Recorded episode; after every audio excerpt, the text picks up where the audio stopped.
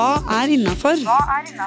En podkast fra Rustelefonen. Ja, Velkommen til denne lille livepodkasten i regi av Rustelefonen. I dag skal vi snakke om mye gøy. Vi skal snakke om hasj, alkohol, st studentdrugs, holdt jeg på å si. Hva heter det igjen?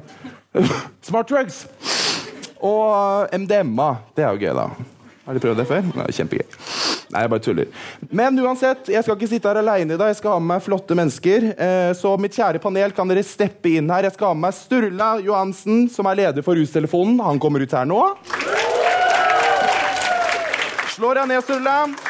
Og så har vi Jonas Bergland, som er verdens heiteste doktor. Kom ut, doktor. Hei. Hei, doktor. Sett deg der, ja. Og så har vi Jørn Kløvfjell. Han er student. Kom ut, Kløvfjell. Der er han. Slår deg ned. Og så er det Markus Pettersen, som også er student. Markus, get out here. Og så er det godeste Klara. Kom ut, Klara. Der er hun. Herregud, dette blir hyggelig, da. Men Sturla, Ja. Kan ikke du fortelle litt om rustelefonen? For jeg vet ikke helt, vi vet ikke helt hva det er. Nei. Nei ehm, det er kanskje en del andre her som heller ikke vet helt hva det er. Eh, dere som har hørt om rustelefonen før, kan ikke dere holde opp en hånd? Bare så jeg sånn cirka ser ja, halvparten, kanskje? Hvis jeg Rekk opp en de som har ringt til russere.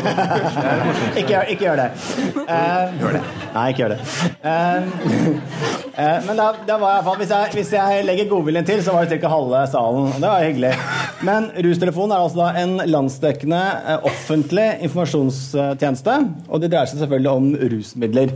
Og det dreier seg ikke kun om rusmiddelproblematikk. Altså, det er et sted man også kan ringe hvor eh, man kan stille spørsmål om ja, hvordan fungerer det, eller hvorfor er det farlig, eller ja, ikke så mye spørsmål om hvordan lager jeg det, eller hvor kjøper jeg det, men, men mer eh, knyttet til, til bruk og, og virkninger. Eh, og selvfølgelig også da knyttet til rusproblematikk. For det er jo uten det kommer ikke utenom at folk, noen i hvert fall får problemer med disse stoffene også.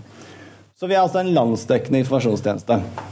Og eh, Derfor syns jeg det var interessant å komme hit på Blindern og snakke litt om studieliv og rus sammen med disse hyggelige menneskene her. Ja, Så håper Midt i fadderuka. Ikke sant? Har du hatt det gøy i fadderuka, eller? Ja. Har dere vært drita? Er det siste dag i dag med drita? Nei, er det mer drit? Skal du være Is it one more week, or what's up? Like, herregud, og dere fester. Det er helt nydelig. Hva er det du har mastergrad i? Master i filosofi. Hør på det. Hva er det jeg har master i? Jeg har ikke master i en dritt, jeg. Du er lege. Men uansett, folkens, vi skal Første tema vi skal snakke om, det er alkohol. Og rundt halvparten av norske studenter har opplevd å drikke så mye at de mister kontrollen. Ja, det kan du gjøre. Men hva hvor- definerer miste kontrollen, det lurer jeg på. Er det sånn Ligge med læreren eh, Typ. Eller ja, uansett. Men hvorfor drikker man så mye at man mister kontrollen? Hvorfor, hvorfor tror vi det? fordi, fordi det er gøy, kanskje? Det er jo, det er jo gøy. Det er derfor man eh, oftest begynner å ruse seg, i hvert fall. Fordi det er gøy. Det er veldig sjelden for å glemme med en gang. Ja, det er, jeg, ja, jeg tror det er mer det der at man skal prøve å Det er ikke sikkert man mente å miste kontrollen. da. Nei, Det pleier ikke å gjøre det. I hvert fall ikke på Tequila Tequila Fernet Fernet. ikke sant? Et, et litt interessant poeng akkurat der. Det, de gamle, gamle grekerne hadde en eh, Det var du som hadde filosofi. Stemmer det. Eh, men, men de hadde, hadde, en, eh, hadde en tradisjon for Eller de drakk, de også. Og når de drakk, så skulle de, var det med det mål om å miste kontrollen fullstendig. Eh, og eh, de så denne alkoholrusen, den overstadige alkoholrusen som en måte å komme i kontakt med det guddommelige, eller kanskje de mer sånn, grunnleggende driftene i, i mennesket, som var knyttet til uh, hvordan vi er fra naturens side. Så uh, det har vært med oss lenge, akkurat uh, ja, fylla.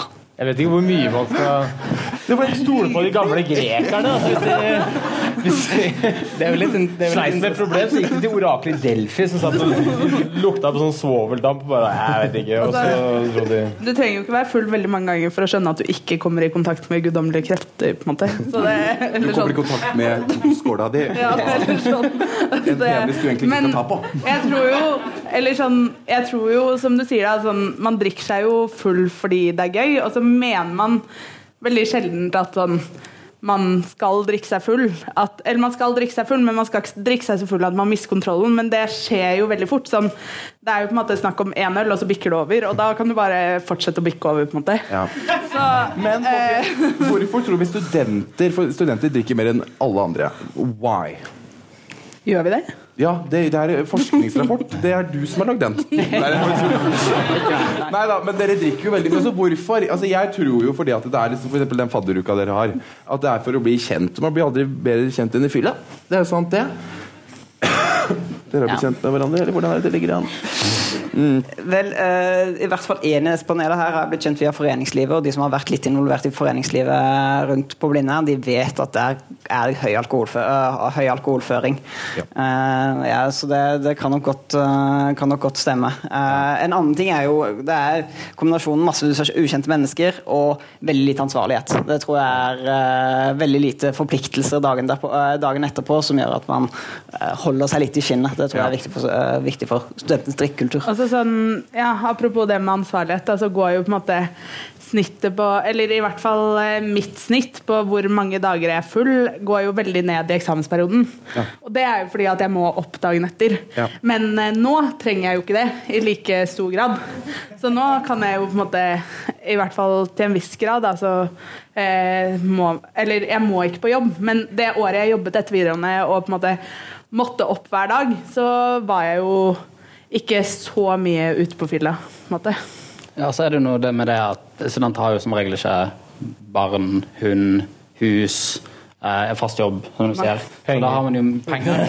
Ja, man, har jo ikke så mye penger igjen etter at man har vært med i en forening en liten stund. Også.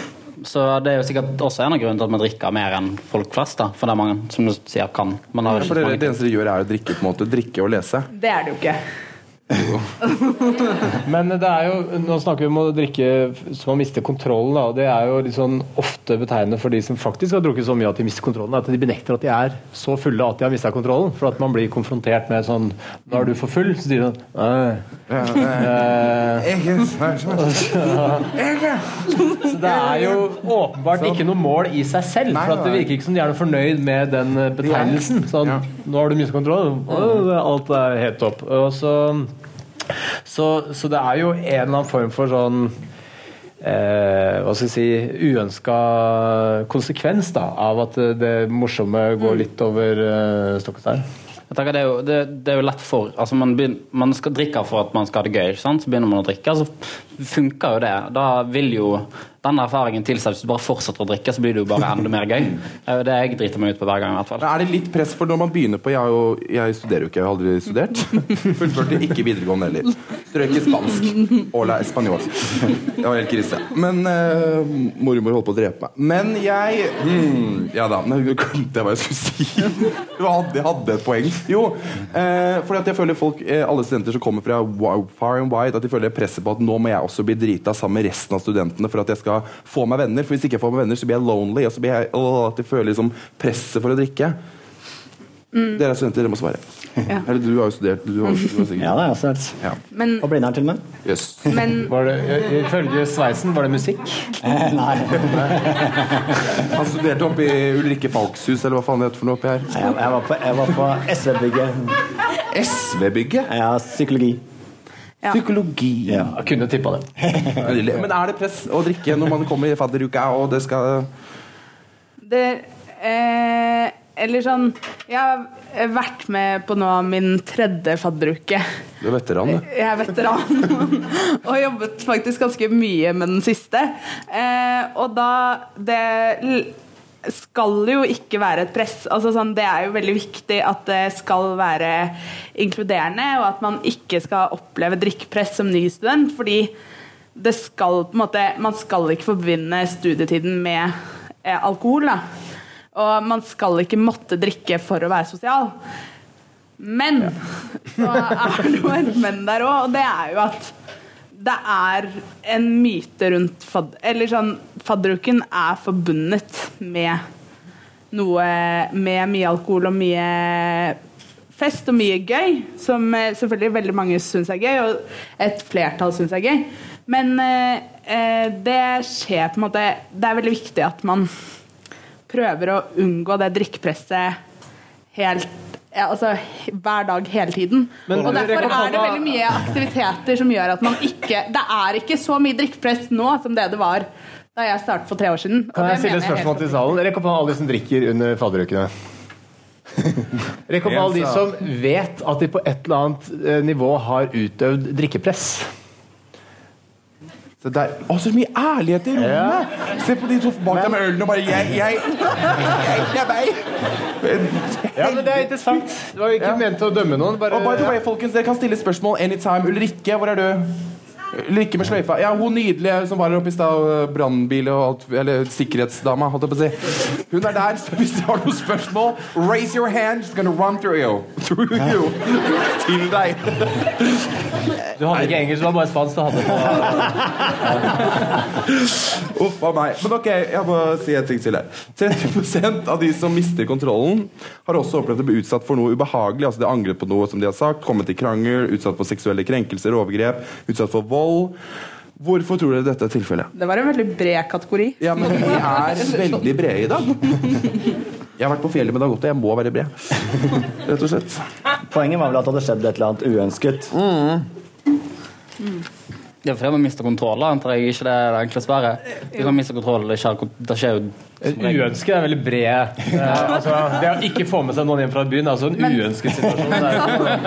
Også sånn typ å bli kastet ut er jo uønsket. Å kaste opp når man kommer hjem er uønsket. Altså sånn, eh, og selvfølgelig også det stikk motsatte. Å bli på en måte utsatt for noe veldig alvorlig, som typ seksuell krenkelse og sånn, som du sa. Men, eh, og det er jo to forskjellige ting. Sånn, det å kaste opp og det å bli kastet ut og det å ikke få med seg noen hjem, er jo mer sånn Ja, du mistet kontrollen, du drakk en øl for mye, og det skulle ikke skjedd, og det var veldig synd. Det å bli utsatt for noe sånn eh, Noe Kriminelt. så kriminelt er jo eh, en annen historie, på en måte. Det handler ikke Eller sånn eh, Det handler ikke så stor grad om at du har mistet kontrollen. Nei, uh, faen meg enig. Eh, men alkohol er liksom sånn Det, er, det, drikker, det drikker vi uansett hva vi sier eller gjør. Så jeg tenker vi heller hopper videre til marijuana. Ja da, eller Hasj eller cannabis er det mest brukte stoffet når det ikke brukes alkohol blant norske studenter, og hver fjerde student har noen gang brukt hasj. Har noen av dere Ja, men Jeg kan fortelle om den ene gangen jeg røyka hasj. Da det gikk jo totalt til helvete. Uh, for det er, jeg, det er jo veldig farlig. Uh, så jeg var uh, veldig ung. Eh, det var jeg. Og hadde drukket veldig mye alkohol først. Og så plutselig jeg, så var det en som hadde en joint, og jeg bare yeah, gi, gi meg! Og bare patta på den, og jeg skjønte ikke hva jeg drev med i det hele tatt. Boom. Skjønte ingenting. Jeg hadde gått inn på et rom, lagt meg i en seng, og så hadde jeg trodd at jeg skulle dø. For jeg gikk ut og inn og jeg lå sånn så, sånn lå jeg sånn ti minutter, og så plutselig så, tar jeg på mobilen, og så ringer jeg 113. Og så ringer jeg, ringer sykebilen og sier bare sånn Hallo, det er Vegard.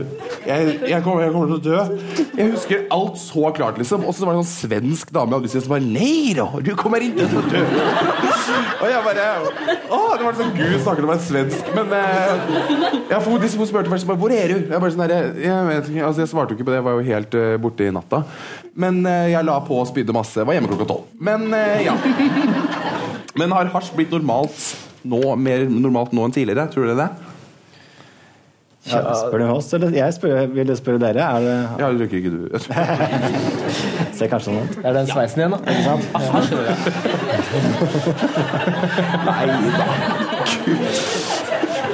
Har ikke det da? Det virker, det virker, for meg virker det sånn i hvert fall.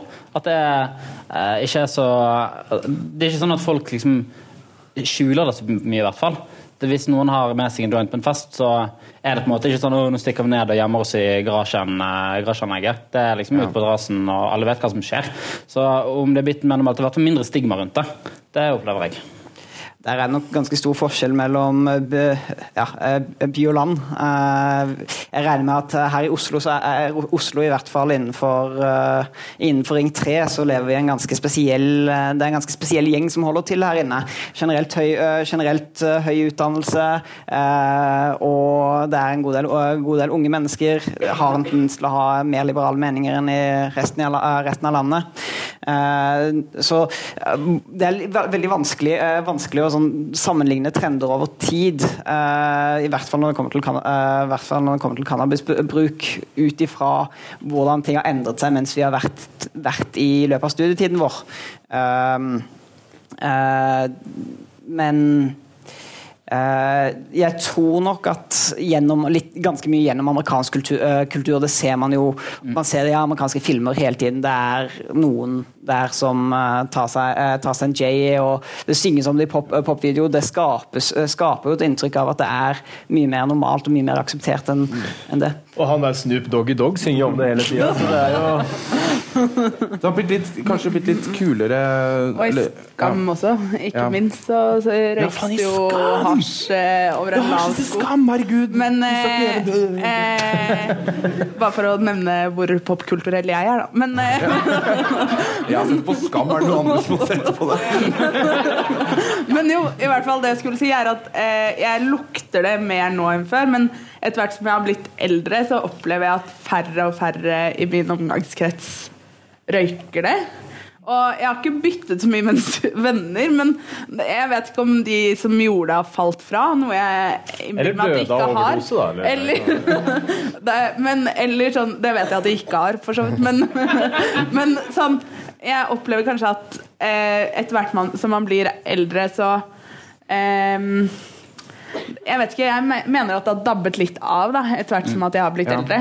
Men så lukter jeg det mer på gaten, og så når jeg ser det på gaten, så er det mer sånn Så er det yngre som gjør det, da. Ja, Da ble jeg stressa og lukte på gata, så jeg får sånn flashback til Hei rå. Helt jævlig. Men jeg, jeg, tror, jeg håper og tror at liksom, blant unge i dag så er det mye, blitt mye mer kulere å være flink. Å gjøre det bra på skolen og ikke gjøre drugs og nesten ikke drikke det hele tatt. Og trene masse, spise ananas og bær, de skjærer det opp. Lager sånn smoothieballs. Det er jævlig.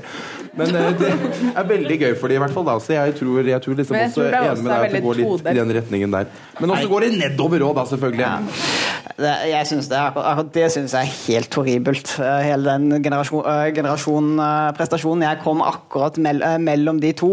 ja, vi ser, vi ser for så vidt det. Masse, massevis av mennesker som sliter med psykiske problemer, på tross av at det, den fysiske, fysiske helsen tilsynelatende burde være bedre enn noensinne.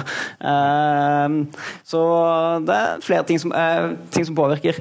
For så vidt et poeng, et poeng bare sånn at uh, for, til litt det du sa. Hvis noen av dere ender opp i en tilsvarende, tilsvarende situasjon, så ikke vær redd. Det er ingen hittil som har dødd av en overdose med cannabis. Og det er kanskje en grei ting å, uh, grei ting å huske hvis paranoiaen tar dere helt Kan du bekrefte dette, doktor Berg? Ja, det stemmer det. Ja. Men uh, det man også skal være litt uh, oppmerksom på, da, for å være litt seriøs, så er det at det er mer og mer cannabis på markedet som produseres syntetisk.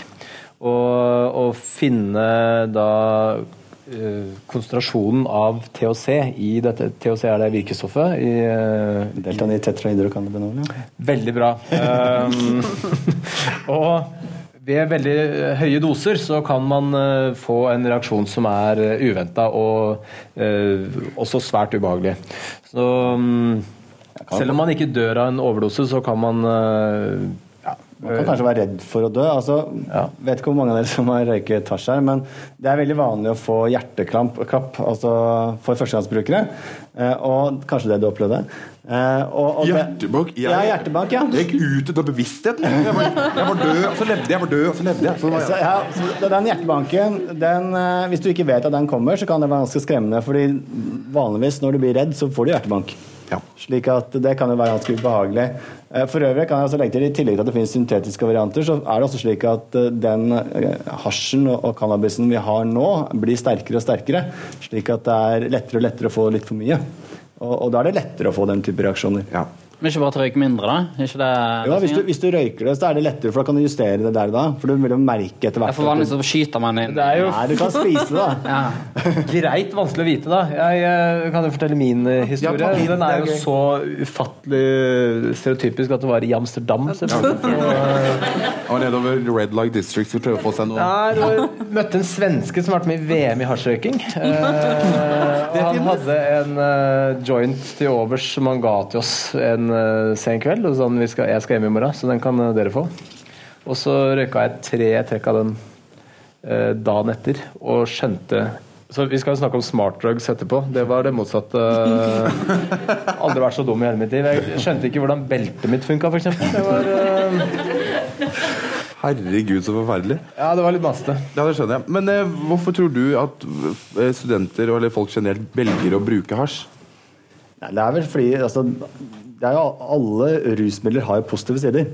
Eh, Det gjelder alkohol, det gjelder, gjelder cannabis, og det gjelder selvfølgelig også alle andre rusmidler. Ellers er det ingen som hadde lyst til å bruke dem. Eh, Og, og, og cannabis også har selvfølgelig rekke positive sider, eh, som, som alle rusmidler. Og, og det er derfor man røyker cannabis, eller bruker rusmidler, bruker alkohol for en saks skyld. Ja. Eh, Men eh, det er heller ikke slik at no, det finnes ikke noe rusmiddel i hvert fall ikke som man har funnet ut av av ennå, som heller ikke har noen, noen bivirkninger eller noen uønskede effekter også. Og Det gjelder også cannabis. Vi skal snakke om MDMA etterpå, for jeg hørte at MDMA var det at du ikke får Det er ikke noen bivirkning. Vi snakker om det etterpå. Men uansett, er, hvor mange er det som liksom kjenner noen som har, røyker hasj? Up with the hand. Se der, nydelig. Ja, Det var vel eh, majoriteten av salen i hvert fall. Ja. Opplever dere, Det ble snakket om at det, er blitt vanligere eller mer akseptert. Opplever dere også det? At det, er, at det er vanligere eller mer akseptert? Eller tenker dere at det ikke har endret seg? Eller? Nå er det lov, nå er det lov å skrike ut meninger. Ja. Ja. Ja! Så, dere, så dere ville ikke reagert hvis det satt noen med på en, på en fest, liksom? Ja. Skrik ut de som mener at det ikke er mer akseptert, da. Ja, det er så interessant. Nei, ikke sant? Nei, ikke sant? Det var det ikke noe. Dere er enige, i hvert fall. Ja, men det er bra. Det liker jeg. Eh, men eh, syns dere alle sammen og dere syns dere hasj er innafor, liksom? Syns dere det er greit? Eller burde det vært ulovlig eller ulovlig Begynner denne diskusjonen? ikke sant? Det er jo ulovlig. Ja, så, ja.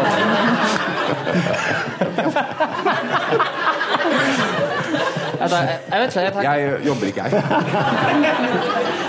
jeg tenker Så lenge du ikke plager noen Så lenge du ikke plager noen andre, så eh, for min i hvert fall, så kan man gjøre, gjøre som man vil, så lenge man ikke Eller åpenbart liksom plager seg sjøl i hjel. Men hvis man, hvis man sitter og Hvis man røyker en, en joint og ikke plager noen andre, så skjønner jeg ikke hvorfor det skal være når man skal reagere så så. Med mindre du er politimann, selvfølgelig. Da må du jo slå hardt ned på det. Det er viktig. Ja. Kardemommeloven, ja. Vi begynner å være politimann. Det er jeg helt enig i. Ja, men jeg syns ja, ja. Sorry. uh, ja, uh, min personlige mening vil nok, er nok at uh, jeg tror samfunnet hadde vært litt bedre hvis alle sammen hadde erstatt, erstattet eh, i hvert fall en, en solid andel av alkoholforbruket sitt med, med cannabis ist- isteden. Det er jo et spørsmål om det Det er stor debatt om hvorvidt det stemmer at det kommer, om det kommer på toppen, eller om det erstatter. erstatter. Eh, nå er det noen ting som kan indikere at eh, de som i de sammenhengene der man røyker, eh, røyker cannabis, så reduserer man alkoholforbruket sitt eh, noe. Så eh, der er, det er en, et, en type tenkning eller resonnering som jeg gjerne skulle sett, eh, sett man gjorde litt mer av å prøve å sette opp de faktiske regnskapene for, for hvordan, hvordan bruken av alkohol og cannabis ville påvirket Kan jeg bare spørre salen, om, jeg er veldig nysgjerrig, kan jeg bare spørre salen, eh, er det slik at eh, de gangene dere har sett at noen har brukt cannabis, er det slik at det blir brukt sammen med alkohol eller istedenfor alkohol? Bare kast ut begge deler. Begge deler? Ja, så det er litt både òg? Men jeg, jeg opplever også sånn Eller det jeg sa i sted, nå er jo ikke jeg en spesielt eh, en vennegjeng som røyker veldig mye cannabis og hasj. Men eh, det jeg har opplevd, er at de vennene og de jeg var på fest med sånn typ på videregående typ for tre-fire år siden, de som røykte hasj da, har på en måte sluttet å komme på sånn eh, Eller de er ikke så stor grad på de festene vi har nå, men de, sitter, de har dannet sitt eget miljø og er på en måte og røyke røyker mer hasj og drikker mindre alkohol, mens vi, røyker, vi røyker ikke Og hasj, drikker. og, men drikker for ha... Eller ikke farlig, men farlig. vi drikker en del, da.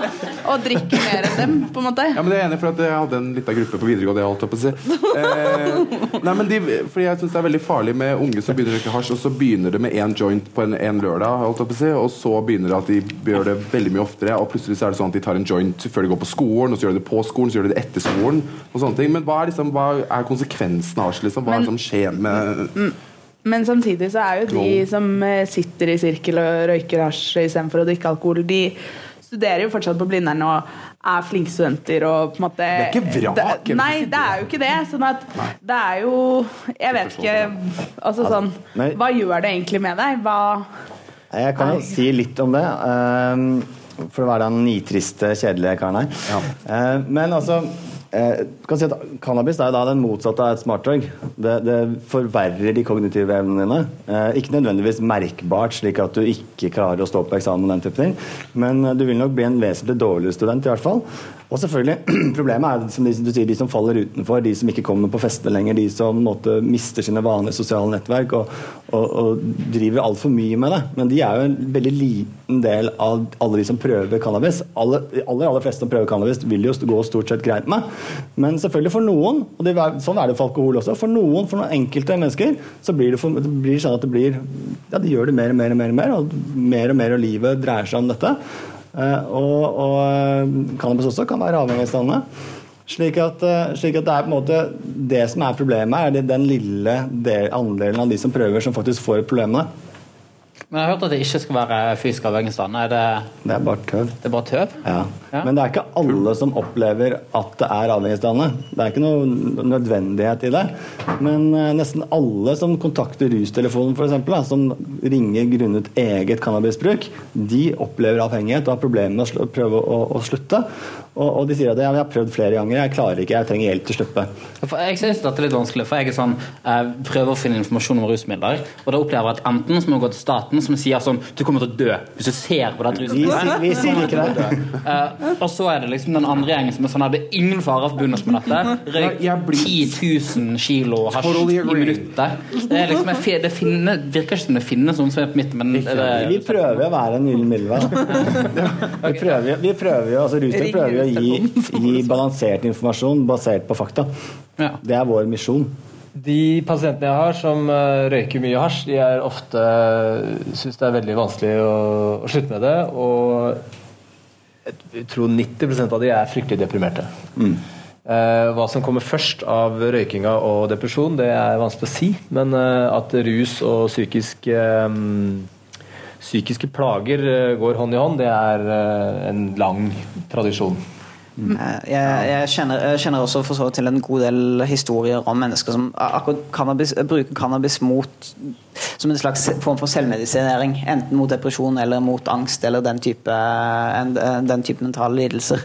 Så um, eh, det er nok en sammenheng, og det er også en sammenheng mellom for så vidt risikoatferd generelt, det å gjøre noe ulovlig, eh, og det å eh, andre typer type sosialt avvik, enten eller mentale, problem, eh, mentale problemer og lignende. Det Dette er jo høna-egg-diskusjonen. Ja. Vanskelig å vite hva som kommer først. Jeg Men, tror det er egg. I høna og egg-diskusjonen så var det nok akkurat det. men det jeg egentlig lurer på, fordi alkohol er vel også avhengighetsdannende Absolutt. Og sånn, eller sånn er hasj Fordi når man sier sånn hasj er avhengighetsdannende, så høres det så innmari farlig ut. Men snus og alkohol er jo også det. Og hvorvidt er det på en måte mer avhengighetsskapende enn snus og Eller sånn Er det Det er ikke mer avhengighetsdannende enn snus, for eksempel. Nei, men eller sånn, fordi man må på en måte ikke glemme at sånn alt avhengighetsskapende gjør på en måte ikke at du Eller selv om snus heller ikke er sunt, så er det jo på en måte Men det er jo ikke slik at alle som tar et, et, et trekk av en joint, blir avhengig. Nei. Ikke sant? Alle som prøver Nei, men det, det var det jeg mente. Sånn at man må Eller sånn. Ja. ja. Nei, altså, ikke sant? På samme måte som at alle som prøver en snus, blir jo ikke avhengig av nikotin. Nei. Jeg ble ikke avhengig av Jeg spytter. Jeg snus det var helt jævlig. Så bra at det skjer. bare sånn Du tar en sånn bad trip hver gang du prøver noe, så prøver du det aldri igjen. Det. Men jeg synes det er eh, veldig interessant å snakke om det at, for det er veldig mange som har venner som røyker veldig mye hasj, og man ser på en måte at den ene vennen fader mer og mer ut, og at det kan være vanskelig den derre du har en venn som er veldig nære deg, og så plutselig begynner jeg med noe du kanskje ikke er helt for, og så uff, forsvinner den inn i det havet hvor det er sånn Hasj er lov, det er kjempebra, og alkohol dreper deg. Ikke sant? Så du blir, litt der du blir liksom uvenn med alle vennene dine fordi de begynner med det. Altså. De vennene dine du har som begynner å si at eh, hasj kurerer alle mulige sykdommer, da Ja. begynner det å bli problemer. Eh, altså Man kan eh, gjerne holde seg innafor helsemessige rammer og, og bruke det innimellom. Og, altså sånn, I et sånn skadeomfangsregnskap så vil jo alkohol komme veldig dårlig ut i en, eh, en total oppsummering i, i eh, de aller fleste aldersgrupper.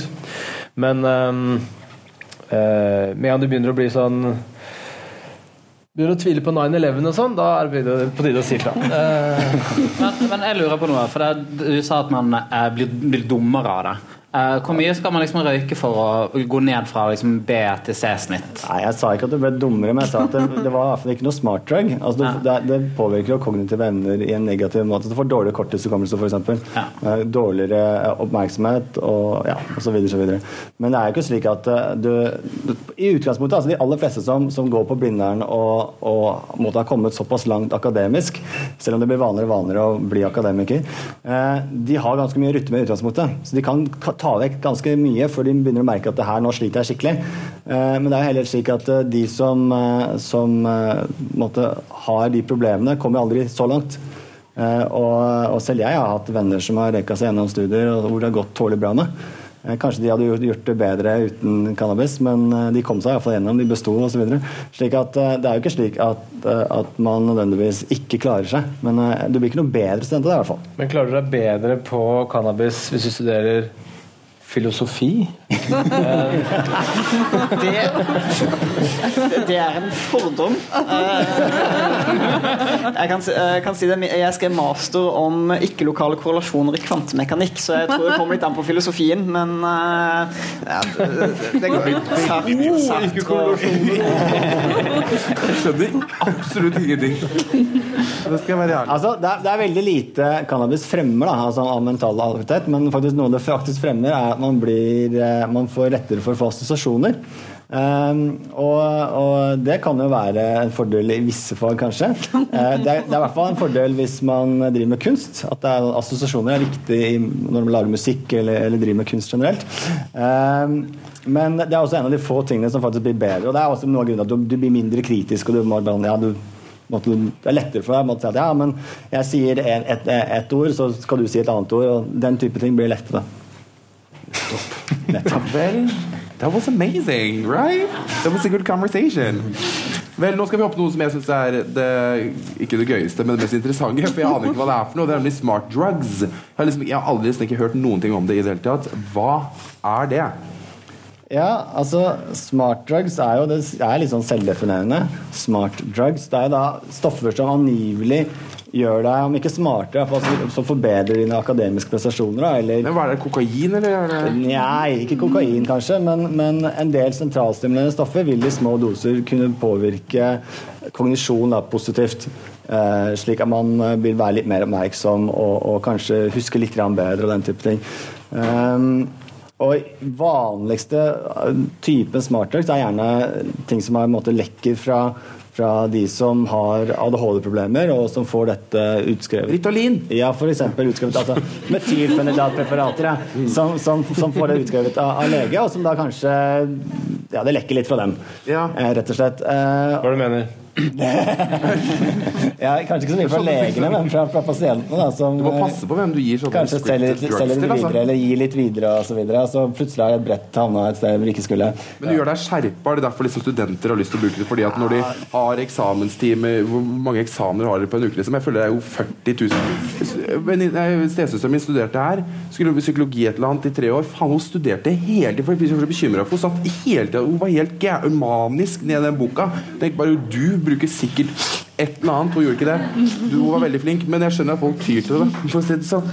Ja. Men altså, altså eh, eh, Koffein og nikotin også har en tilsvarende effekt, bare i mindre grad. Ja. Slik, at, eh, slik at alle har nok kjent litt på den morgenkaffen, f.eks. Jeg tipper det er ganske mange her som eh, vil ha en kaffekopp om morgenen for å føle seg litt ekstra skjerpet. Eh, nå, da, Det er en stor andel Red Bull på lesesalen. eller Red Bull, ja, selvfølgelig. Um, og, og koffein og koffeintabletter er på en måte en type smartdrugs. Ja. Selv, om, selv om koffein i seg selv har ikke så stor virkning som en del andre stoffer. Men det er heller ikke slik at du, du kan forvente at ja, ja, men jeg bare tar noen uh, Ritalin eksempel, og så, så går alt så veldig mye bedre. Du må jo For da blir du skjerpa. jo, du må fremdeles lese og bruke tid på å lese. Altså, du må ikke tenke at det, ja, ja, det er ikke noen sånn fiks, fiks sånn sett. Uh, og i utgangspunktet så er jeg ikke sikker på at det blir så mye bedre student av det heller. Jeg tror det vil være mye mer fordelaktig for deg å lese jevnt, sove ordentlig og kanskje drikke litt mindre. Selv om sikkert det er veldig upopulært å si. Uh, Det kan du faktisk ikke si. Altså, nå, tenker, nå tenker alle som, som har lyst til å fortsette å drikke, da kan du bare drite Ritalin istedenfor. Ja, det. Det er mye Men, bedre. hvor, men hvorfor skal man ikke gjøre det? da? Det var å spørre på en annen måte. Ja, nei, altså det er jo ut ifra den rent etiske ting, da. Altså er det rettferdig, kan, skulle alle gjort det, Og Så, videre. Eh, så er jo det selvfølgelig Det er medikamenter som er beregnet for noe helt annet. Og alle medikamenter har bivirkninger, også disse medikamentene. Eh, alt fra angst- og depresjonsproblematikk til, til eh, Og det er alvorlige ting. Jeg, har jo alle medikamenter har noen bivirkninger. Eh, men man bruker jo da gjerne veldig små doser. Man bruker jo mye mindre enn en rusdose, f.eks. Hvis man skulle brukt amfetamin da, til, til, på den måten. Slik at i utgangspunktet så er det jo relativt ufarlig. Men det er, det er ingen altså selv, selv et vanlig sånn paracetamol eller Paracet er jo ikke bra i store doser. Ulempen er hvis du får veldig gode karakterer pga. greiene der, så må du opprettholde det bruket hele tida. Ja, du har fått en veldig flott jobb, og så tjener du masse penger, så må du Ja, men det er det jeg tror tiden. Men studenter er det ja, du, Clara, go, go ahead. Ja, men er det sånn at man Fordi jeg kan ingenting, jeg har bare hørt rykter og kjenner ikke så mye til det. Men er det sånn at man bare glemmer alt sammen med en gang man slutter på med en gang. Ja, nei, men sånn, sånn at man må Nå hørtes jeg seg veldig dum ut. sånn, sånn er det ikke. Og, men jeg er også ganske sikker på at uh, effekten er ikke så stor. At eh, Hvis du mener at du har kjempegod eh, effekt av dette, så tror jeg det, det er noe mye placeboeffekt i dette også, som det er når det gjelder alle medikamenter. Slik at uh, jeg tror du kommer mye lenger med å være på en, måte, en, en vanlig student da, Men- som jobber jevnt og trutt. Ja, sånn som min stesøster. jobber jobba jevnt, eller hardt og trutt. Eh, Hardt. I de På tur med Dagotto er helt sjukt. Ja. En del av de, de sammenhengene som jeg har hørt, det bli, uh, hørt, hørt dette bli omtalt, så er det gjerne uh, rett foran en innlevering. Uh, man er nødt til å, man er nødt til å sitte, eh, sette seg ned, man er nødt til å konsentrere seg for å få dette igjennom, for å få den, obli, eh, få den obligen inn, få levert den, eks, eh, levert den eksamenen. Eh, Man sliter gjerne med konsentrasjonen, man prokrastinerer, man gjør alle, eh, alle mulige andre ting. Eh, og da, da kjenner, jeg, kjenner jeg i hvert fall til, til noen som har hatt den opplevelsen av at det var da eh, Ritalin eller et metylfenidatstoff som opplevde hvordan de klarte i mye større grad å fokusere på den oppgaven. Så mindre på Facebook, så mindre på eh, Eller deltok mindre i Så mindre på Facebook. så mindre på dis eh, Facebook, mindre distraksjoner. Et eh, ekte søvnproblem, faktisk. ja, men det er det. Eh, jeg tror det er et problem for alle, eh, for alle sammen. Hvor, mye, eh, hvor mange er det som føler seg avhengig av Facebook? Bare Be honest, you guys. Literally. Okay, Det var færre enn de som hadde røkt hasj. Du vet når du sitter også der, og så har du Facebook oppe, og så lukker du Facebook, og så sjekker du Facebook en gang. Ikke hele tiden. Krise. men, eh, men i hvert fall, eh, i hvert fall en del sam, eh, sånne typer sammenhenger. Jeg, har diskutert, diskutert gått smartdrugs med en kamerat som er veldig flink, jusstudent, bruker, ingen- bruker ingen, slike ting. Eh, og han, han mener at dette her er juks. Det er, det, er hans, hans perspektiv på det. Eh, for han ser det sånn at akademia det er, eh, det er konkurranseaspekt ved det å drive, eh, drive akademisk arbeid. Vi konkurrerer mot hverandre. og man får en, en uforholdsmessig fordel ved å gjøre noe som er ulovlig, for å få den der lille edgen. Ja, det er det etiske problemet. da. Det er det etiske problemet. Så er det da spørsmålet er akademia først og fremst en konkurranse, eller handler det om, den, eh, om det å produsere så mye tekst og gi så stor bidrag til menneskeheten som overhodet mulig? Ville Einstein kunne klart mer hvis han hadde vært på metylfenidat og modafinil? Kanskje. Eh, men eh, Kan altså hende at han har gjort veldig mye mindre fordi han brukte for mye av det, og så gikk det helt over styr. Man vet ikke. Men altså, bare for å poengtere, det er, det er veldig få studenter som bruker dette. Eh, når det gjelder bruk av koffeinpreparater, sånn som eh, koffeintabletter eller pulver ja, koffeinpiller. Ja, så er det bare 6% som svarer at de har, har brukt dette med tanke på å bruke det som smartdrugs. Eh, og det er bare 4 som snakker om eh, den type Ritalin eller metylfenidatpreparater. Og så er det enda færre på, på andre stoffer. Bare 1 som sier at de har brukt amfetamin på den måten. For eksempel. Slik at eh, Foreløpig så er det veldig lite brukt, men man skal ikke gå så veldig langt ut av over Norges grenser. For bare til Storbritannia. Og spesielt på, på universiteter hvor det er veldig mye konkurranse så blir dette mer brukt. Og Jeg er jo bekymret for at dette skal bli mer brukt i, i Norge, på norske universiteter og høyskoler. Og spesielt fordi kanskje akkurat pga. dette kon konkurransejaget, da. Som jeg tenker det er uheldig, egentlig. Det gjør jo generasjon prestasjon en eh, bjørnetjeneste, på en måte. Absolutt. Men det, jeg syns det var ganske mange. Jeg. En av 25. Det er jo én i hver forelesning omtrent. Det hadde det i hvert fall på Herregud, tok du en regnestykke Jeg syns det var ganske mye, jeg. Ja, men, men det som er kanskje mer interessant, da, i samme undersøkelse, så, så var det jo de andelen som, som svarte at ja, dette ville jeg være villig til å prøve hvis jeg visste at det ville gi positive resultater på, på, for mine prestasjoner, da, så var det to av ti. Altså 20 slik at Det ligger et veldig stort potensial her til å få mange brukere. Eh, nå er det heldigvis slik at disse preparatene er ikke så effektive at, du vil, at de aller fleste vil tenke at wow, dette var helt supert, jeg er bare nødt til å ha mer å lese, lese, lese. lese. Det er ikke sånn det funker. Men for den enkelte så vil det nok eh, ha en viss effekt. Men, altså, Men- ikke, men ikke, det bare, ikke det bare teknologi, da? Jeg tenker, altså, Medisin er jo teknologi, og smart drugs er jo teknologi. Det hadde vært veldig rart hvis vi hadde sluttet å bruke teknologi på universitetet fordi at det hadde gitt noen et konkurransefortrinn å bruke en PC, f.eks. Så hva er liksom den store forskjellen på gjør det i idretten, for eksempel, da, hvor det alltid er sånn konkurranse. Herregud, dere så Johaug i dag. Sorry, jeg bare Apropos idrett. Sorry, gå videre. Jeg gikk så i bakken. Nei, altså Det handler jo litt om det å endre uh, hva som er normaltilstand for et uh, individ. sånn at eh, La oss si de uh, medisinene hadde fungert veldig mye bedre da, enn det de gjør nå. Hadde det vært forsvarlig å måte ansette folk som måtte ha medisiner for å kunne fungere i den jobben? Eh, og ville man, ville man hatt et sånt samfunn, da? Det er jo Men hva hvis du fikk et, eh, en pille som gjorde at du husket liksom enda flere diagnoser og masse greier? Og så, det, sank, sjansen for at du eh, liksom stilte feil diagnose og at en pasient ble syk. Hadde ikke det vært dritbra for pasienten din om du, om du tok det? Hadde det ikke vært bedre for samfunnet om du tok det? Jo, egentlig. Så det var bra svar på det. Spørsmålet er om det hadde vært bedre for Oh deg. my god. Kom igjen, Bergland, nå må du Det er ikke tilbake. sikkert, er ikke sikkert han hadde hatt det bedre. Nei, ikke noen av han, men en Ikke med seg sjøl. vilkårlig for the greater good. gjennomsnittslege. Men apropos det Jeg ofrer meg for uh, vitenskapen. selvfølgelig. Men apropos det med placeboeffekt, så eh, så jeg også min andre kulturelle referanse for i dag. Eh, Innafor, det er nest mest eh, sette programmet på NRK i høst.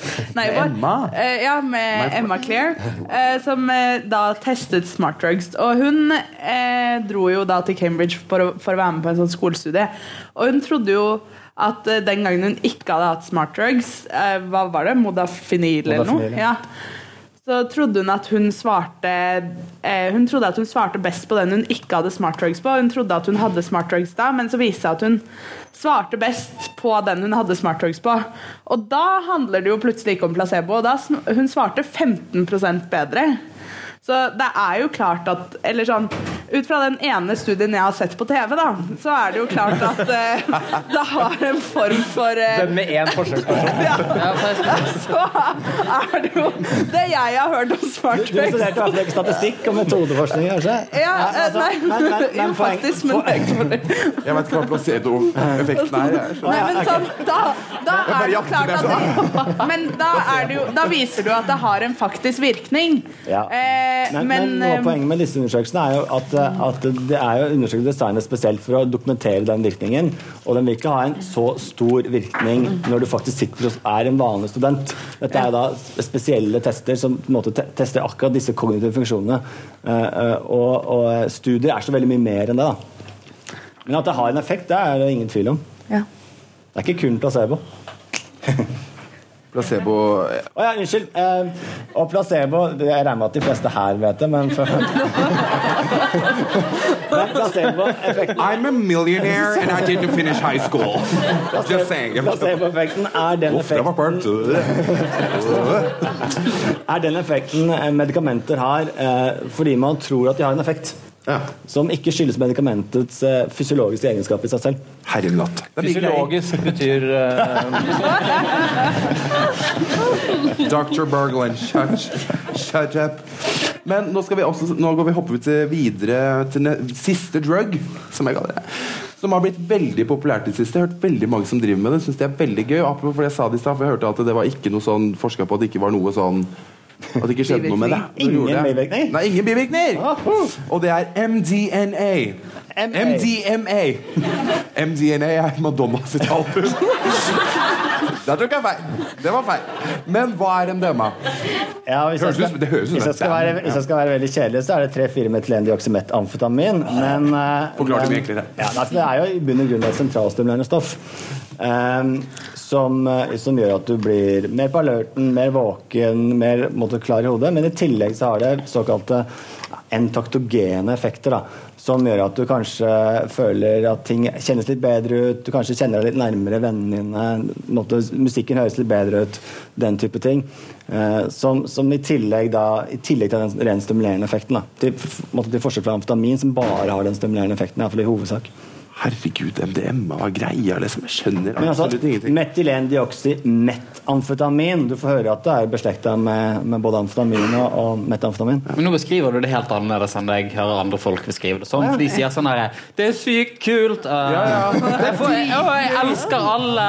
Uh, Ja, men han aldri sier bra. ja, Han drar på i stedet for å være sånn her, ja, ja, du føler deg litt bedre, og du blir litt mer glad i folk. Så er det sånn Men da En kommer gang så den fikk jeg en eh, advarsel fra en jeg møtte utenfor et utested. eh, ikk- eh, Og da sa han sånn Du må aldri ha sex med MDMA, Fordi da kan du aldri ha sex uten MDMA igjen. Fordi det har- føles så bra som du aldri kommer til å få det igjen.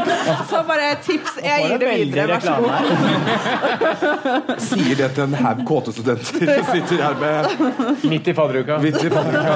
Nei, det var ikke nå. Det var for lenge siden i Canada. Så det- I Canada. Jeg er veldig bereist.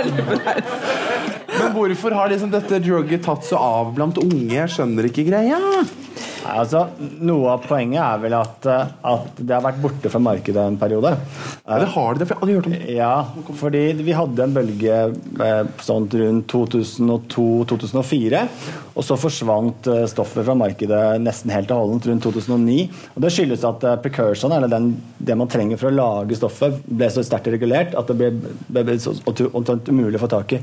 Slik at det ble ikke produsert noe MDMA.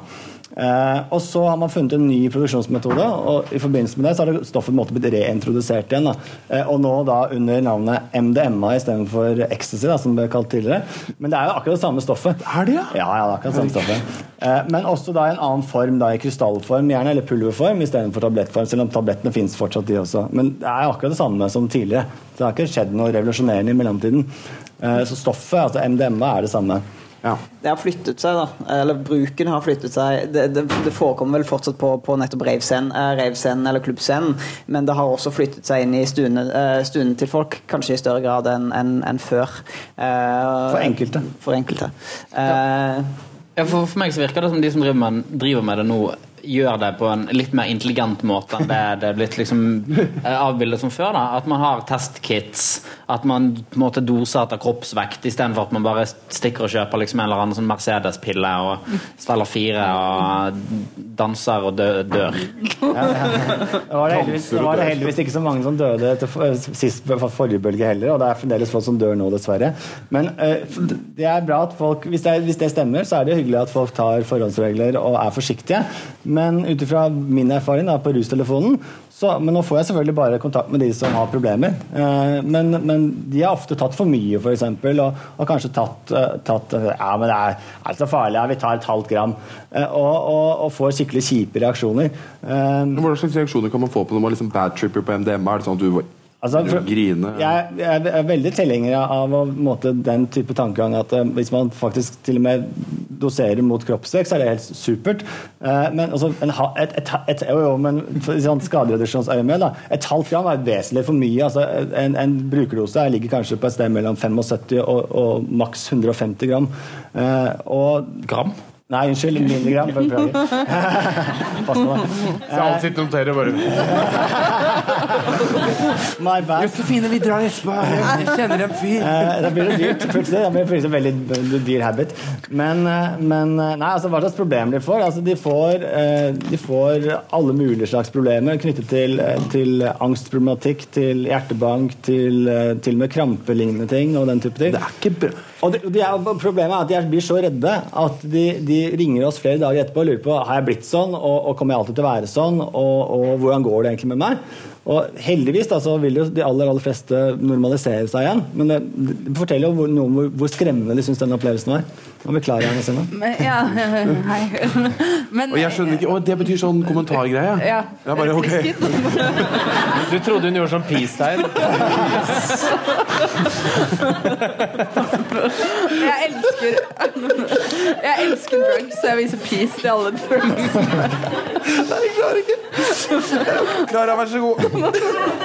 Nei, men det eh, Eller Men jeg har også hørt, da, eller ryktet sier jo også at det skal gjøre angst Altså sånn Det gjør deg liksom fri for angsten, er jo Ja. liksom word on street. Det er fristende for folk- det er fristende for folk i sånn, angstgenerasjonen. Sånn, Sånn eh, typ sånn Dunker. Men eh, Eller sånn at eh, det gjør deg på en måte mye lettere til sinns, og eh, det er helt fantastisk, fordi du kan bare slippe løs alle hemninger, og du kan bare danse i vei og eh, klemme alle, og du Ja, blir et helt sånn annet og mye mer sånn eh, livlig, hyggelig, empatisk og eh, raust menneske, da. Man sier jo at man Det- blir forelska i alle, på en måte. Ja, det er jo det som Eh, Ulempen er er, at, at som vi riktig, sa i stad, så er det jo ingen eh, medisiner som ikke har bivirkninger. Og nedturen etterpå kan jo være som man snakka om eh, Men er MDMA en medisin? Nei, altså Det er jo et, et virkestoff, da. Ja. Så det brukes ikke i noen medisiner, for det har ikke noen eh, sånn praktisk funksjon. Men eh, det er jo et eh, medikament, da. Men, altså, noe, sånn. men noe som er skummelt da, med det du beskriver, er det at eh, hvordan føler du deg da dagen er på? Eller når, når alt ikke er så bra lenger? Men du kan For- tydeligvis aldri ha sex med andre igjen. Nei, ikke sant? Det, er, det, det er høres jo litt kjipt ut. Altså, poenget er at du flytter jo grensen for, for hvor bra du kan ha det. Ja. Eh, eh, og det er ikke alle som har det så bra heller, men, eh, men de som er, måte, de som er mest sånn på til, Hei, jeg har det dritbra, det er de som skriker høyest. Eh, og de som selvfølgelig har hatt det kjipest også, de, de, eller de ringer kanskje også det. Men, eh, men poenget er at, at hvis, hvis du, du klarer å flytte grensen for hvor bra du kan ha det, så kan jo hverdagen bli ganske grå og kjedelig etterpå. Og det er noe av problematikken her. Og hvis det skulle vise seg at det, det har en eh, du sier at det, det, det hemmer angst der og da, så er det i hvert fall mye forskning som tyder på at det, har, det er knyttet angstproblematikk til eh, langtidsbruk. da. Markus. Eller var det du først? Eller, da- ja. Ja, jeg, jeg, jeg kjører litt videre på den. Jeg, jeg, uh, man kan jo si det samme om veldig mange andre rusmidler. da. Det, men det er jo ingen, som- det er ingen som gjør det. ikke sant? Man sier, eh, det er ingen som sier sånn, å, du må ikke drikke alkohol fordi at du har det så gøy når du drikker. At du aldri kommer til å ha det gøy igjen. Og mm, Det er jo det, akkurat det samme mm, når, hvis man drikker. ikke sant? Man blir jo, jeg har, det er ikke sånn at jeg har det jævlig bra dagen etter jeg har vært på fylla. Det er ikke den beste Jeg dagen. blir har så det. fyllesyk. Irritabel tarm renner, og det er dunk, jeg støl i kropp. Ja, men jeg, det burde man finne en drug mot. Fyllesyke. I'm, I'm, I'm gonna buy a, en pall. Du kan jo vurdere, du kan jo vurdere å dra med drikke litt mindre, da. Nei, men po- Poenget, poenget er at man, man, har jo, man blir jo bakfull også, så hva er liksom, hvor, hvor forskjellig er det? Er det, mer, er det, er det Altså- liksom mye verre? Fysiologisk er det veldig forskjellige stoffer. Altså, det som er spesielt med, med ecstasy, eller MDMA, da, er på en måte det at det, det går så veldig på serotoninsystemet. Eh, mye mer enn noe annet stoff. Eh, slik at eh, du, det er litt urettferdig å, å sammenligne med, med alkohol. Eh, For alkohol gjør ikke så mye med stemningen din som, som eh, MDMA. Alkohol gjør, gjør deg egentlig i utgangspunktet bare mindre kritisk, eh, mer risikovillig og mer impulsiv. Og det er på en måte det som smører de sosiale hjulene. Det er derfor dere drikker. ikke sant? Fordi det, det, det er litt lettere å kommunisere med andre. Dere blir ikke så kritiske lenger. og 'Jeg er ikke så nøye'. og 'Jeg er greit at jeg havner til sengs med han'. Og, ikke sant? Det er, det Og det er så deilig å være sånn. jo, jo, men, men og og En annen ting dere skal vite, er det at det, det blir bare sånn opp til en viss grense. Så rundt én i promille. Nå fortsetter det videre da, så blir det ikke noe mer moro. Det blir bare kjipere og kjipere. Balansen blir dårligere. Ja, balansen blir dårligere, f.eks. Så, så, eh, så alkohol er på en måte et annen type rusmiddel. Eh, men men eh, for all del, altså det er jo ikke slik at du tar det, du MDMA én gang, så er det på en måte på kjøret, og så blir det heroinist osv. Det er ikke sånn det funker. Eh, men igjen, da. det kan jo det, det gjør noe med deg. Det påvirker deg på en eller annen måte. og, og, og det kan jo gjøre hverdagen din veldig grå og kjedelig, i hvert fall. Nå var det mye peking. Ja, eh, du pekte? Jeg, pe jeg peker fordi eh, Slik jeg, eh, slik jeg, eh, slik jeg har, eh, har forstått det, så har eh, vi, vi mennesker befinner oss i det, vi, det som kalles den hedonske tredemølle. Eh, så vi, har, vi flukturerer, flukturerer frem og tilbake mellom eh, eh, å være i godt humør og i dårlig humør, og så har vi en, eh, har vi en baseline. Og egentlig uansett, eh, uansett hvor sterke de toppene, eh, toppene måtte være, så kommer man stort sett tilbake til denne vanlige baselinen. Og der er det litt forskjellig baseline for ulike mennesker. Noen er generelt mer deprimerte enn det andre er. Eh, og eh, så, så, de, så selve at, at selve opplevelsen i, i seg selv, det å ha en veldig bra opple eh, opplevelse, gjør at eh, du har det kjipere ellers. Eh, det vet jeg ikke hvor mye belegg for. Men det skal jo sies at serotonin, serotonin den er jo det er et, en såkalt nevrotransmitter. Det påvirker systemer inn, eh, veldig mange systemer igjen, bl.a. de som regulerer humøret vårt. Og søvnrytme og, og, og ganske mye, forskjell, ganske mye forskjellig. Ja, kroppstemperatur. Eh, så det man har eh, Det som man kan tenke seg, er at eh, overstadig bruk, eller eh, bruk, of, eh, bruk ofte og i store mengder, vil gjøre noe med Vil tappe de serotoninlagrene eller gjøre oss mindre eh, Eller rett og slett fucke opp systemet såpass, eh, såpass at vi ikke er helt eh, At vi ikke kommer tilbake til, til normalen.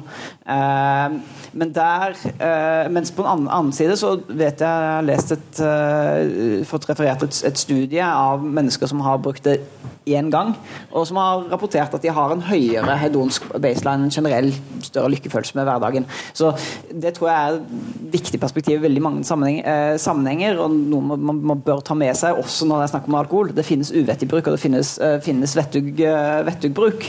Eh, og det å Men uh, Det er ikke vi uenige i, altså. Nei. Men det er jo en, en risiko er jo det med å endre på denne baseline som du, som du snakker om, og ha såpass store konsekvenser av et medikament som man har vanskelig for å takle. Men en annen risiko er jo at man kjøper noe annet enn det man tror man kjøper.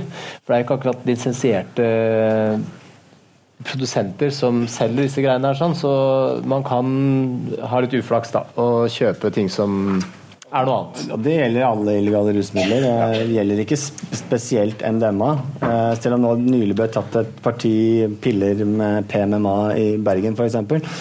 Parametoxymetamfetamin, som er eh, Det er så fort, det er så gøy. Permatatarmeter, ja. som er, som er vesentlig mer giftig da, enn en, MDMA, og, Ja. og, og allerede har medført mer enn 30 dødsfall i Norge.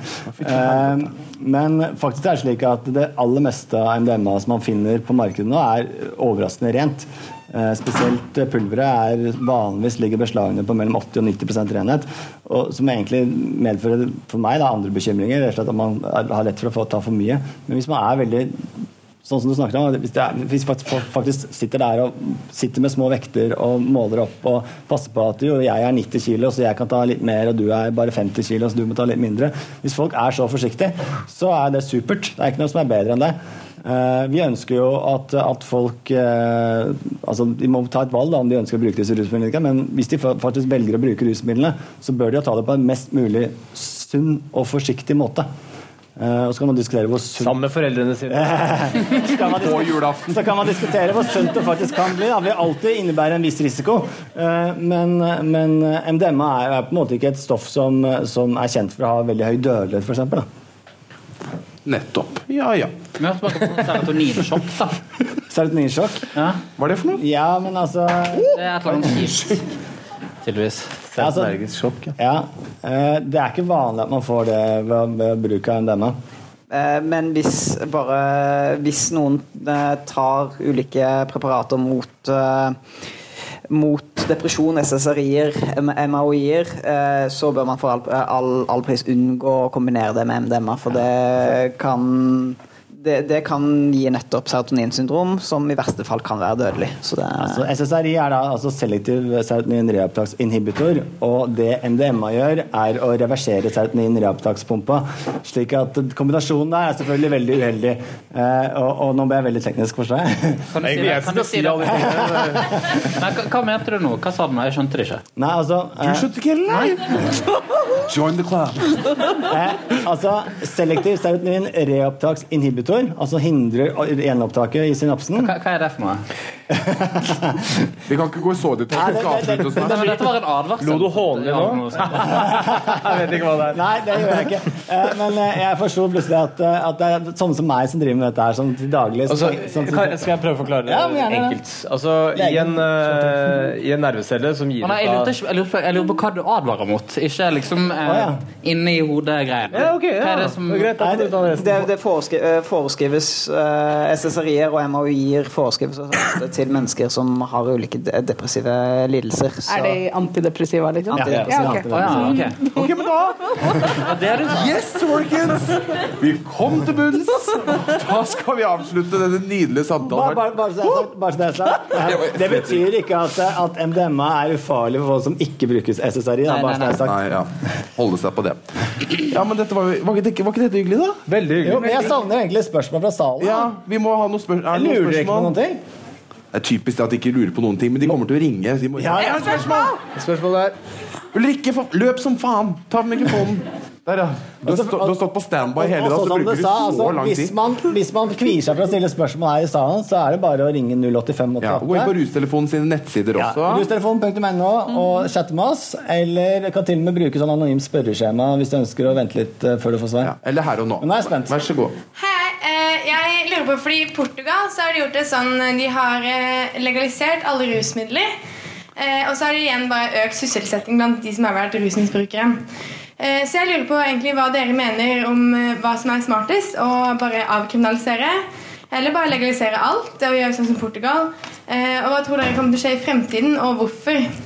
Jeg, skal bare korrigere deg litt, for de har verken legalisert eller avkriminalisert, men de har innført et system hvor du eh, har muligheten til å stille for et det, slags sånt eh, panel som, som istedenfor å Som istedenfor å straffe deg, eh, sender deg til behandling. Men hvis du ikke vil følge anbefalingene til panelet, så blir du allikevel straffet. Slik at, og jeg tenker, Dette er nok den retningen vi kommer til å gå i alle vestlige land, tror jeg. Men det er, det er faktisk verken avkriminalisert eller legalisert, bare for å ha poengtert det. da. Ja, nei, det var bare det jeg hørte på TED, så da, da hørte jeg på Men- det. men- Men det sier sikkert riktig. TED Talk. TED Talk, ja. Men, men altså, det er vel ingen som i utgangspunktet ønsker, ønsker å, å straffe eh, brukere av, av eh, stoffer. I hvert fall ikke de som har problemer. Eh, der må det finnes alternative reaksjonsmåter. Da. Og dette er én måte som har vist å ha en effekt.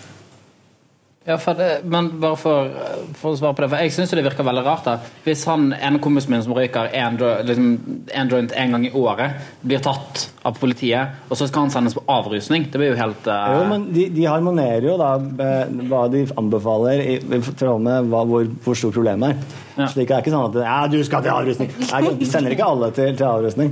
Sykt stor avrusning. den den, Portugal. Men, men de, de har måttet oppskalere behandlingsapparatet noe voldsomt, fordi de tilbyr faktisk plass hvor, et eller annet hvor som helst da, innen 24 timer. Og det er vi veldig langt unna å ha det tilbudet her i Norge. Enda et spørsmål fra salen. Hei. Hei, hei. Eh, Jeg har hørt fra folk jeg kjenner som har prøvd MDMA, at man skal vente tre til fire måneder mellom hver gang. Jeg lurer litt på Hva er liksom grunnen til det? Hva gjør at det blir bedre enn å prøve det Er kort tid etter? er ikke bare rave hver tredje måned? det var jo, det var vi jo inne på uh, i stad. At, at, Serotonin. Ja. At, at det gjør noe med serotoninsystemet ditt. Eh, og det er til og med de som taler for at du både skal spise bestemte ting før og etter for at du skal gjøre måte, det, det måte, belastningen på det systemet minst mulig. Da. Hvorvidt det faktisk har noe for seg, kan man diskutere. Men jeg tenker det er en, en, en veldig god idé hvis man faktisk først velger å bruke MDMA. Bruke det veldig sjelden, og det gjelder egentlig alle rusmidler, også alkohol. Eh, eller i hvert fall ikke veldig overdrevent. For det er, det er når det blir snakk om overdreven bruk at man ser de store skadevirkningene, og det gjelder også MDMA. Slik at det vil være langt tryggere å bruke MDMA sjeldne. Eh, selvfølgelig aller tryggest å ikke bruke det i det hele tatt, eh, men, men sjeldnere enn ofte. Ja.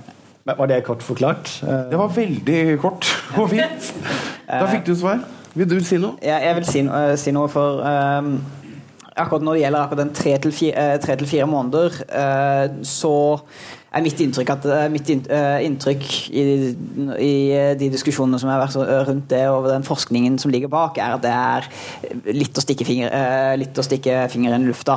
Man, det er såpass lite vi vet om serotoninsystemet og hvordan det fungerer, men det er da basert på men den, den, den formen for brukerkonsensus som man har kommet frem til, er tre til fire, måneder.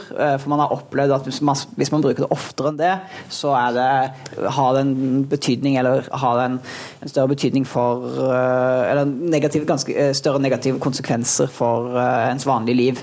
Eh, men eh, det er ennå såpass lite vi vet om akkurat, eh, akkurat serotoninsystemet at eh, det er veldig vanskelig å få et klart forskningsbelagt svar på, på det.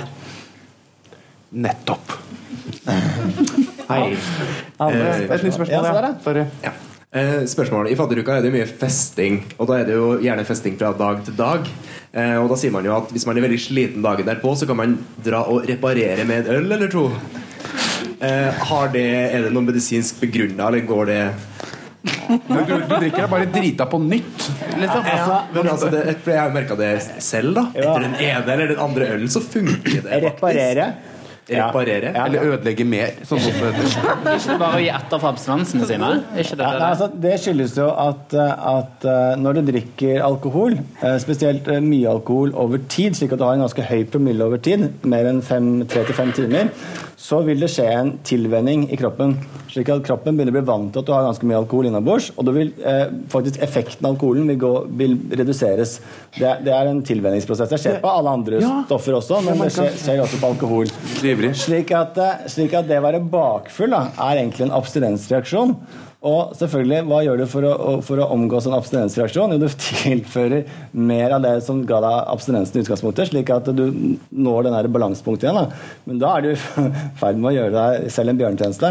For til syvende og sist så må du på en måte av den karusellen. Ja, Eh, og- det er vanskelig, det. Og, og da blir det bare jævligere å gå av igjen. Ja, for det, det var veldig gøy det du sa der. For hvis, jeg, drit, hvis jeg er ute på torsdag, da blir jeg drita. Og så blir jeg også drita på fredag. Men så begynner jeg å slite med å bli drita på lørdag og søndag. Ja. Noen flere spørsmål i salen? Da bør du kanskje dempe deg litt, litt før. Oh. Men eh, er det sånn det kjennes ut av abstinenser? Fordi jeg må jo også ærlig innrømme at eh, de gangene jeg har vært bakfull i mitt liv, så er jo det siste jeg vil på en måte å dra på en ny fyllekule, på en måte. Altså, sånn. Abstinensen handler jo ikke om ja, det er derfor eh, Men? Abstinensen handler ikke nødvendigvis om et sug etter det som ga deg abstinens. Okay. Det handler om å ha det utrivelig. Okay. Ja. Men det er bare godt å vite Å få det mindre utrivelig når man da tar stoffet igjen. da. Ja. Og, men altså, hvordan abstinensene fremstår, vil være forskjellig fra stoff til stoff. Det er ikke slik at, at, at Og kanskje fra person til person. Å, ja, absolutt. Altså. Det er, det er, innimellom så, så har dere sikkert det enda verre enn andre ganger. Og så er det de, de, noen få som nesten ikke får, eh, får, blir fyllesyke eller får, får den type reaksjoner i det hele tatt. Det kan ha en sammenheng med at, at dere ikke da har den høye promillen over lang tid. Men det kan også ha sammenheng med rent sånn individuelle forskjeller. da. Nettopp. Det var nydelig å få litt uh, avklart på det, for det er faktisk jeg lurt på. Akkurat det med det der. Men folkens, da skal vi avslutte. Tusen takk for at dere fikk, satt her sammen med meg. Tusen takk til alle dere som kom. Gi dere selv en liten applaus. Dette her var jo en såkalt livepodkast, så den blir lagt ut på uh, Soundcloud 4. august. eh, og den blir delt på Suyo, Uyo, Etual, hva heter det? Uyo. Uyo sine Facebook-sider, mest sannsynlig. Så kan dere høre den igjen der hvis du har lyst til å høre den igjen, eller vise noen venner. Bare tenk på at dere gikk glipp av noe fantastisk. Herregud, Jeg misunner dere at dere er studenter hele gjengen. Det er helt nydelig. Da stikker jeg. Skal dere være med hjem, eller? Jeg bare tulla. Tusen takk for meg. Tusen takk for alle de her. Du har hørt Hva er innafor? En podkast fra Rustelefonen. Har du noen spørsmål om rus? Ta kontakt med Rustelefonen på 08 588 eller gå inn på rustelefonen.no.